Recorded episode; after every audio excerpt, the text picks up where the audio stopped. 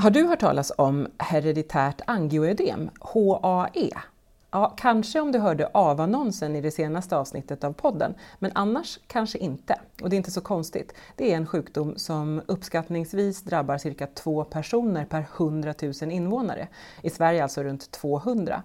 En sjukdom som inte alls liknar andra primär immunbristsjukdomar och som vi ska ägna dagens avsnitt åt. Vi träffar Linda Björkman, läkare som behandlar personer med HAE och kan förklara hur allting hänger ihop. Och hur det är att leva med HAE, det vet Cecilia Gran. Så häng med och lyssna på dagens avsnitt av Så sjukt, om livet med primär immunbrist med mig, Lucette Rådström. Hej Linda! Tack Hej. så mycket för att vi har fått komma hit till Lunds lasarett. Cecilia, du är också här. Tusen tack för att du ville vara med i det här samtalet. Hej. Hur känns det att vara så unik? Det är bara en av ett par hundra det låter ju fantastiskt men det är kanske inte så roligt att eh, leva med det. Nej. Du ska få berätta mer om det. Jag är jättespänd på att få höra. Jag tänkte ändå att vi ska börja med att låta Linda svara på den här frågan om hur primär immunbrist och hereditärt angioödem hänger ihop. Den här sjukdomen eh, är ju en ärftlig sjukdom, en ovanlig som du sa. Eh, och den beror på att man har brist på ett protein som heter C1-inhibitor. Och detta proteinet ingår i komplementsystemet som är en del av immunförsvaret. Ehm, sen ingår det här proteinet även i andra delar i kroppen. Så det är ett viktigt protein. Och hur, hur är det, kan, kan den också, den är absolut ärftlig, men den kan också uppstå spontant, eller? Ja, precis, det kan den göra. Ehm, man uppskattar att 25 procent beror på spontan eh, mutation, en nymutation alltså där man inte ser någon ärftlighet utan eh, man är den första i släkten som har sjukdomen. Mm. Cecilia, berätta, hur var det för dig när du fick ditt första symptom? Eh, jag var i sjuårsåldern och ehm, ja, mitt första minne det är ehm, att jag hade fått nya skor som jag hade på mig i skolan och ehm, de var väl kanske lite åtsittande på fötterna så när jag skulle gå hem efter skolan så eh, gjorde det väldigt ont. Så jag fick skjuts av en skolkamrat hem på cykeln. Och när jag kom hem så fick jag av mig skorna och då såg min mamma då att eh, fötterna var väldigt svullna. Och då tog hon mig till akuten och eh, sa vi åker inte härifrån förrän vi vet vad det är. För det är som så att min pappa och farmor och sen även på farmors sida ganska många har den här sjukdomen. Så hon hade ju sett det innan ehm, just med svullnader och så. Så, ehm, men det var först då som hela familjen egentligen fick ett svar på vad det var. Din mamma förstod att det var något lurt helt enkelt? Ja. Fick ni hjälp på en gång eller var det svårt? Då fick vi hjälp på en gång men då fanns det inte så mycket hjälp att få heller. Så, ehm, men vi fick i alla fall en diagnos vad det var vi hade. Och hur var det, jag tänker bara din mamma som bara satte igång värsta grejen i din familj. Ha, vad var det, din pappa och din? Eh, det är min pappa, faster, farmor och sen så den längst bak som vi känner till är farmors mamma. Så egentligen var det ju flera av farmors eh, syskon som också hade den här eh, sjukdomen då. Och eh, min farmors eh, bror gick också bort eh, i denna sjukdomen när han svullnade i halsen. Han gjorde värnplikten och hann inte in till sjukhus och få hjälp. Så ehm, ja, det är en lång historia. Den här genen som du pratar om, Linda, alla som bär på den, om man bär på genen, utvecklar man då automatiskt sjukdom? Ja, det gör man i nästan 100 procent av fallen. Eh, och den är så pass ärftlig att det räcker med att en av föräldrarna har mutationen eller genförändringen eh, för att 50 procent eh, av barnen då ska få sjukdomen, eller risk att få. Och när utvecklar man den? Är det precis som Cecilia berättar här i unga år? Som det ja, det kan det vara ofta i puberteten däromkring. Så eh, de första levnadsåren brukar man vara frisk men sen kommer symptomen smygande. Och sen kan det variera väldigt från person till person och under livets gång också kan komma i perioder då det blir värre och sen kan det bli bättre under perioder. Det är en lurig sjukdom. Det är en lurig sjukdom. För det finns ju framförallt två typer. Alltså typ 1 har ju nästan 80 eller de flesta. Eh, och då har man brist på, på proteinet. Sen finns det typ 2 som har en bristande funktion av proteinet med normal halt. Eh, och sen finns det ytterligare en typ som tidigare kallades typ 3 men nu kallas det heritat eh, hereditärt angioödem med normal C1-inhibitor. Och de får också samma symptom som typ 1 och 2 men, det, men de har normal halt av C1-inhibitor. Det är ändå bradykinin utlöst. Men då är det något annat som orsakar ökad bradykinin-halt. Så bara för att jag, nu ska jag se om jag hänger med, så egentligen alla de här tre olika typerna, när man, när man testar för det, då, ser man, då får man olika resultat. Men alla tre typerna har sam, symptom. Ja, i princip. Samma symptom eller lite olika? Det kan skilja lite, lite grann. Ehm, de här med normal CT blir ofta symptom i ansiktet och munnen och så. Men eh, typ 1 och 2 kan ju ha på andra delar av kroppen och mycket svullnader i buken, i tarmslemhinnan. Vet du vilken typ du har Cecilia? Ja, jag har typ 1. Eh, Cecilia, hur är det för dig när du blir dålig? Ehm, det är lite olika beroende på var ehm, attacken sätter sig men oftast har jag haft i händer, fötter och i buken eh, att jag har svullnat där. Och det är inte en liten svullnad utan man svullnar rejält. Och ofta är det på vissa ställen så det kan ju vara en hand och en fot, alltså det är väldigt lokalt okay. så. Och är det händer och fötter så det är klart det är svårt att gå lite så men man kan ändå leva på som vanligt. Eh, men är det då i buken så blir man egentligen sängliggande och man kräks och mår jättedåligt. Och har väldigt ont? Ja, fruktansvärt ont har man. Mm. Och med svullna händer, det liksom, kan du använda händerna?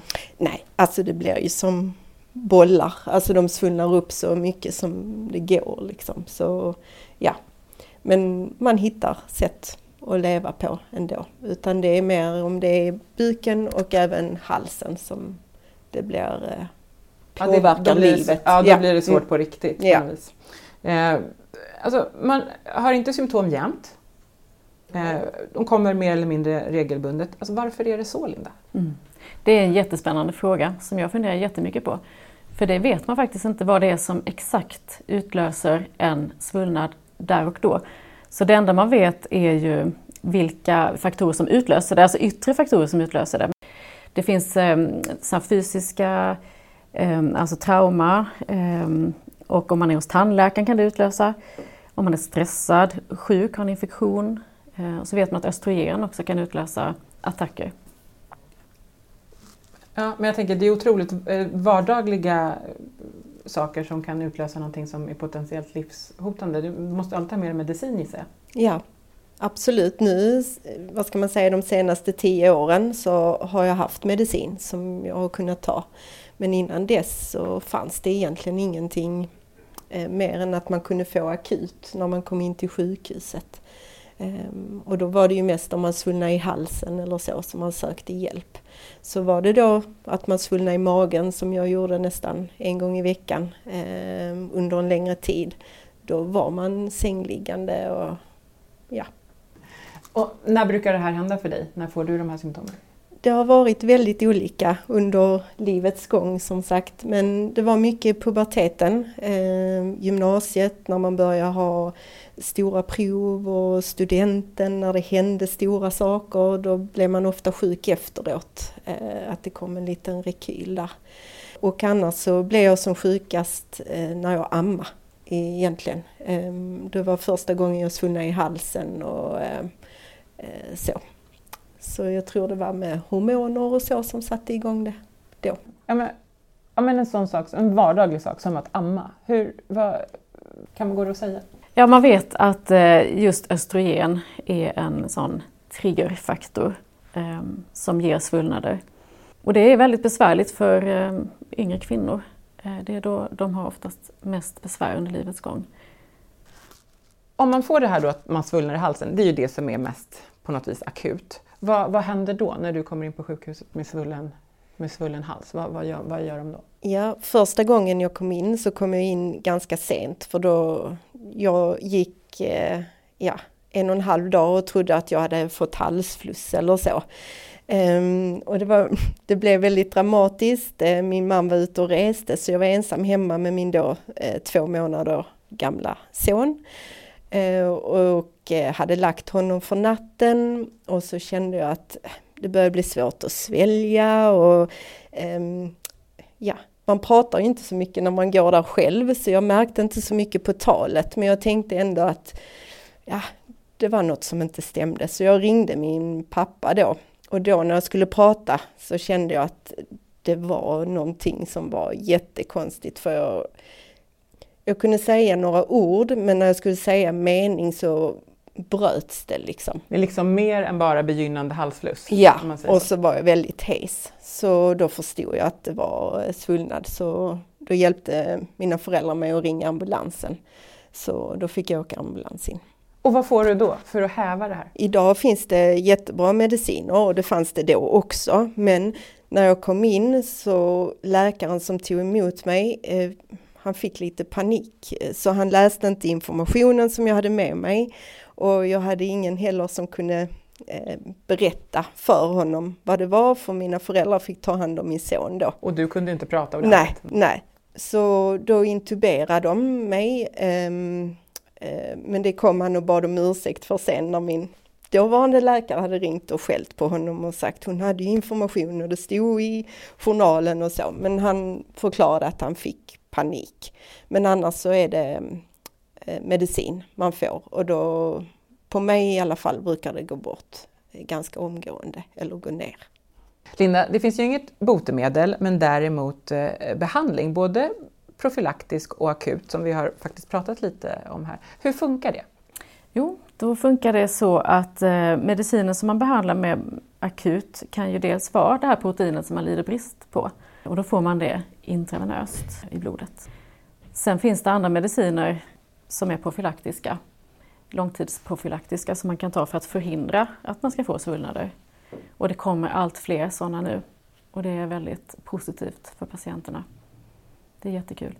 Och, och vilka fall, i vilka fall ges det här profylaktiska? Jo precis, Nej, men då är det ju patienter som har väldiga besvär. Alltså det finns ju patienter som kan ha besvär någon gång i veckan eller flera gånger i veckan till och med.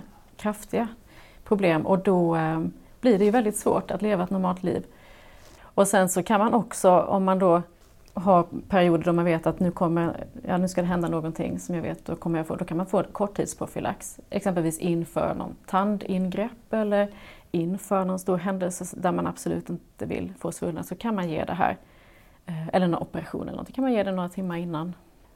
Och så finns det ju akutmedicin också i form av en spruta som man tar som gör att svullnaden går tillbaka ganska fort. Men likväl så har man ju, får man ju svullnader. Så att de som använder den här sprutan väldigt ofta och som har svullnader ofta, de kan, får man, måste man tänka på att de ska få profylax. Och det kommer nya profylaktiska mediciner också eh, som man kan ta i, i tablettform. Och det, och det är mycket som händer på forskningsfronten när det gäller behandling. Vilket är väldigt positivt och roligt både som, som läkare och patient eh, att, att det är så. Det låter som att det liksom i framtiden, att livet blir lite enklare i varje fall. Det är fortfarande en allvarlig sjukdom, men att man kan få sån, den typen. Mm. Cecilia, hur har din eh, vardag påverkats av din sjukdom skulle du säga? Väldigt mycket ju, framförallt eh, då när man var yngre och ehm, då påverkades ju allt av det egentligen. Hade man tenta så fick man nästan räkna med att några dagar efter att man blev sjuk. Och jag kommer ihåg när vi var mindre och var på Liseberg och så och åkte karuseller och hade kul och sprang runt där. Då fick man också räkna med någon dag efteråt att då var man sängliggande, ont i magen och ja, fick ta smällen efteråt. Jag tänkte just säga det, du räknar mm. med att få ta smällen för, ja. att, ha kul, för att kunna ja, ha lite kul precis. i varje fall. Så det blev ju mycket, alltså man visste ju heller inget annat så man, eh, det blev ju ens liv och man planerade efter det. Och sen så har jag haft en stor fördel att jag har haft farmor och pappa och faster som har sagt ja men det är normalt, det är ingen fara, du kan leva som, som vanligt och som alla andra. Eh, så det har varit en stor trygghet för mig. För och de det, har också mm, haft det så. Mm. Du håller ju på att testa en ny behandling, eller hur? Hur, hur har det fungerat för dig? Eh, det har fungerat väldigt bra och egentligen förändrat mitt liv. För jag ehm, hade tidigare den här sprutan som jag tog själv eh, när jag kände att jag fick en attack. Ehm, så jag hade egentligen ingen förebyggande behandling så utan mer eh, akut behandling. Och just nu så lever jag ett vanligt liv eh, utan attacker ehm, överhuvudtaget. Jag kan känna ibland att det är något som pågår i kroppen men det bryter aldrig ut liksom. Hur känns det? overkligt känns det. Det känns, eh, ja det är nog det enda ordet jag kommer på. Eh, när man har levt så länge med någonting så det är nästan som man börjar oroa sig för, men tänk nu om jag kommer svullna istället för att gå och oroa sig för när man ska svullna. Men, eh, nej, men jag tänkte bara att jag ville understryka, för det tar en stund, det tog en stund för mig innan, det, innan det liksom den poletten trillade ner. För jag menar, alltså när du var yngre, till exempel fram till kanske 30, så fanns det verkligen ingen behandling alls?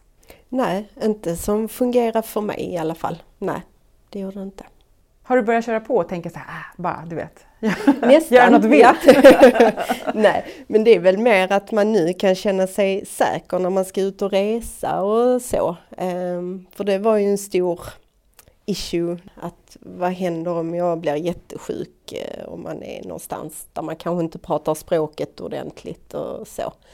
Um, Ja, för jag tänker att du kanske då skulle bli sjuk bara av att sätta dig på ett, flygpla mm. på ett flygplan mm. och den liksom... Ja, absolut. Mm. Men inte längre. Nej, ja. nej. När man har en, en ärftlig sjukdom så finns det ju en risk att man för vidare den till, till eh, sina barn. Hur tänkte du kring hela barn, barnbiten? Det är klart man tänkte jättemycket på eh, just den biten och eh, vad det egentligen är man för över för det hade man kanske inte järnkoll på just då. Men samtidigt så pratade jag ganska mycket med läkaren jag hade då om ehm, just risken och ehm, även hur stor risk det var att mitt barn skulle få det värre än vad jag hade. För jag kände lite så att få mitt barn det jag har så kanske jag kan hjälpa barnet eh, på ett annat sätt än eh, till exempel om det hade fått diabetes eller någonting annat som inte jag känner till. Så det är klart, jag tänkte mycket på det men samtidigt var det inget som avgjorde att jag skulle skaffa barn. Så. Jag tänkte att ni också var en, ett helt litet gäng där i släkten som ja, vet ja. hur man lever med det här. Precis. Och jag, min faster har ju två barn, alltså mina kusiner, som inte har fått den här sjukdomen. Så jag hoppades väl lite att mina barn skulle klara sig. Mm. Och idag har du hur många barn? Två. Och, no, och hur många av dem har? Den äldste har HAE också. Mm. Och hur gick snacket med när du pratade med barnens pappa om det här? Ja, eh, sen dag ett har han ju vetat om vad jag lider av för det går absolut inte att dölja på något sätt. Eh, framförallt inte om man svullnar i händer och fötter och mage. Ehm, så han har vetat om eh, och sett också vad den här sjukdomen har gjort med mig. Men som sagt, jag har kunnat leva ett någorlunda normalt liv ändå och vi tänkte att ett barn kan leva väldigt mycket bättre än vad jag har kunnat med alla mediciner och så som är på gång och var på gång redan. Så eh, det var inget hinder för oss, det var det inte. Och som sagt, du kan ju guida det barnet. Ja. Och kanske inte heller blir rädd när man ser en hand som bara på Nej, något vis, fingrarna exakt. bara försvinner. Ja. Och kan lugna lite att det inte är någon större fara. Så länge det är händer och fötter så, så är det okej. Okay. Ja. Eftersom det finns många olika varianter och symptomen ser ja, men lite olika ut fast ändå inte på något vis. Alltså när ska man misstänka att man kan ha HAE? Ja precis. Ehm, de här patienterna kommer ofta till allergimottagningen där jag jobbar. Eh, därför att man tror kanske att det har med allergi att göra. Det är liknande symptom, man får svullnader ehm, och så vidare. Men eh, då har man ofta kanske testat allergimedicin och det hjälper inte. Därför att det, beror inte, det har inte samma orsak som en allergisk reaktion utan detta är en helt annan orsak. Och man behöver väldigt speciella läkemedel för att eh, svullnaden ska gå tillbaka. För det här är kanske en svår eh, fråga att svara på men hur ofta är det eh, patienter kommer in och kanske läkaren inte förstår vad det handlar om och så vidare. Alltså är det, finns det ett mörkertal i det? Som inte... Det skulle det kunna finnas. Ehm, Ofta så får ju de, om det är någon som inte vet att den har sjukdomen innan de kommer in direkt till akuten så får ju den ofta allergimediciner då. Och så hjälper inte det. Och sen gör man en utredning efter det.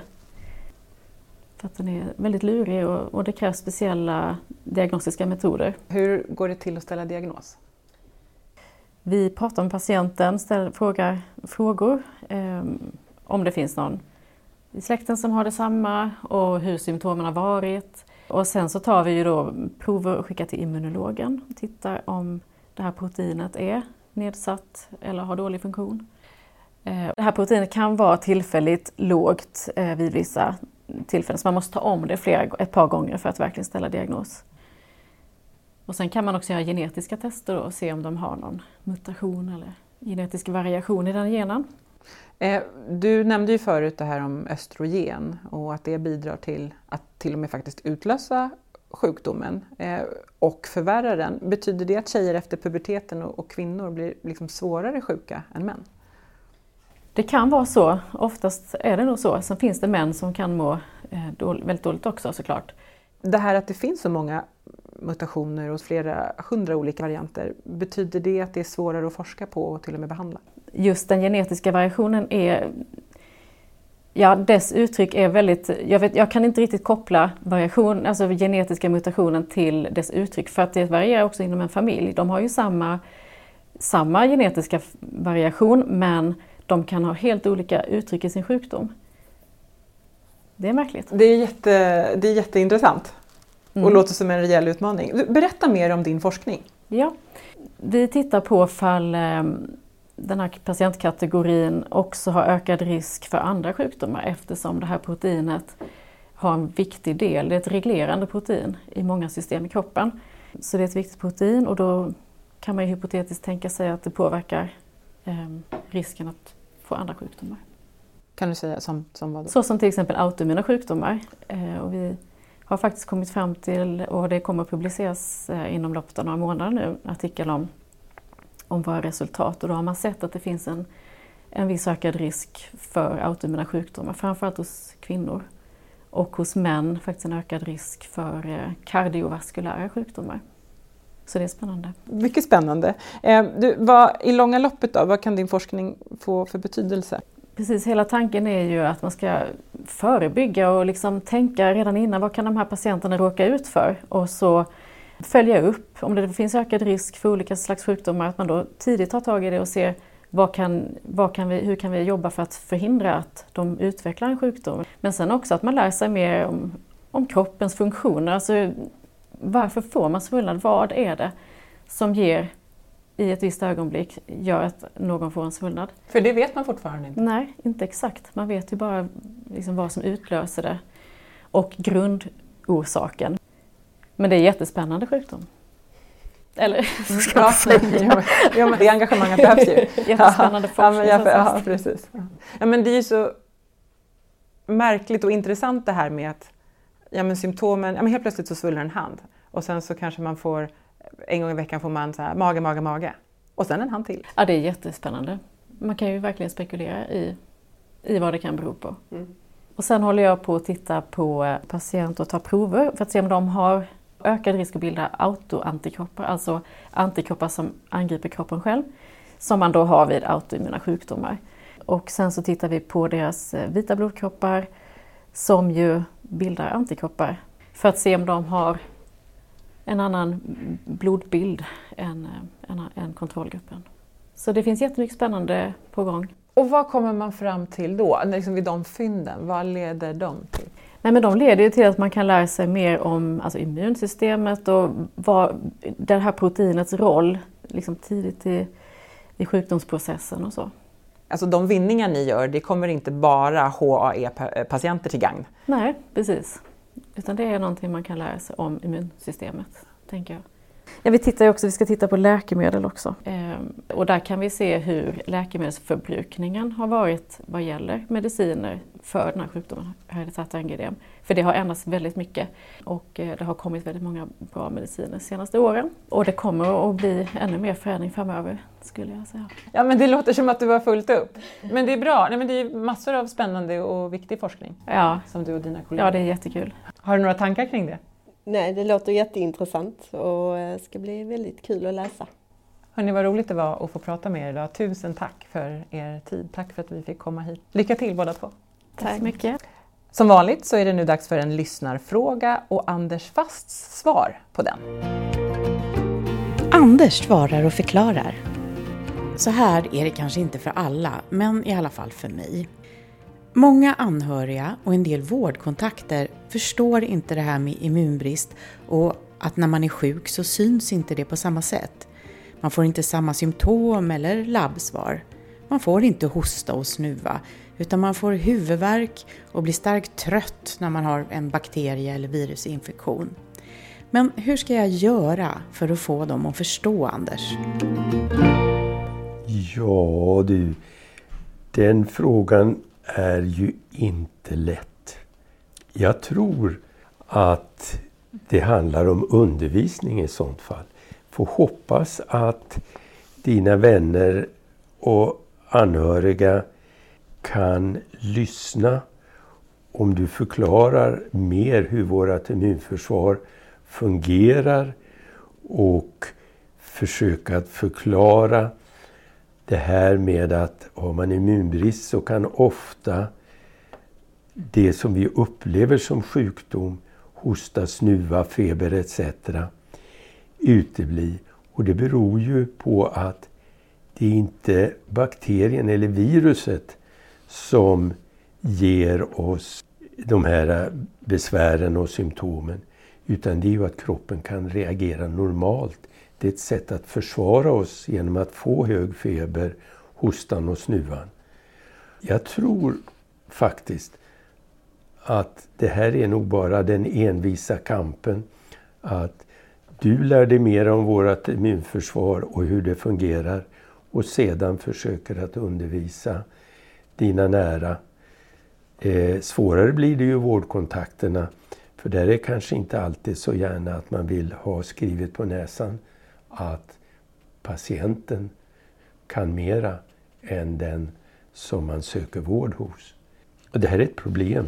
Jag tror att det gäller för dig det som jag sa, men det gäller också för oss som ser er med en primär immunbrist att undervisa vårdpersonal på olika nivåer så att de lär sig mer om vårt immunsystem och varför det blir som det blir när man har en primär immunbrist.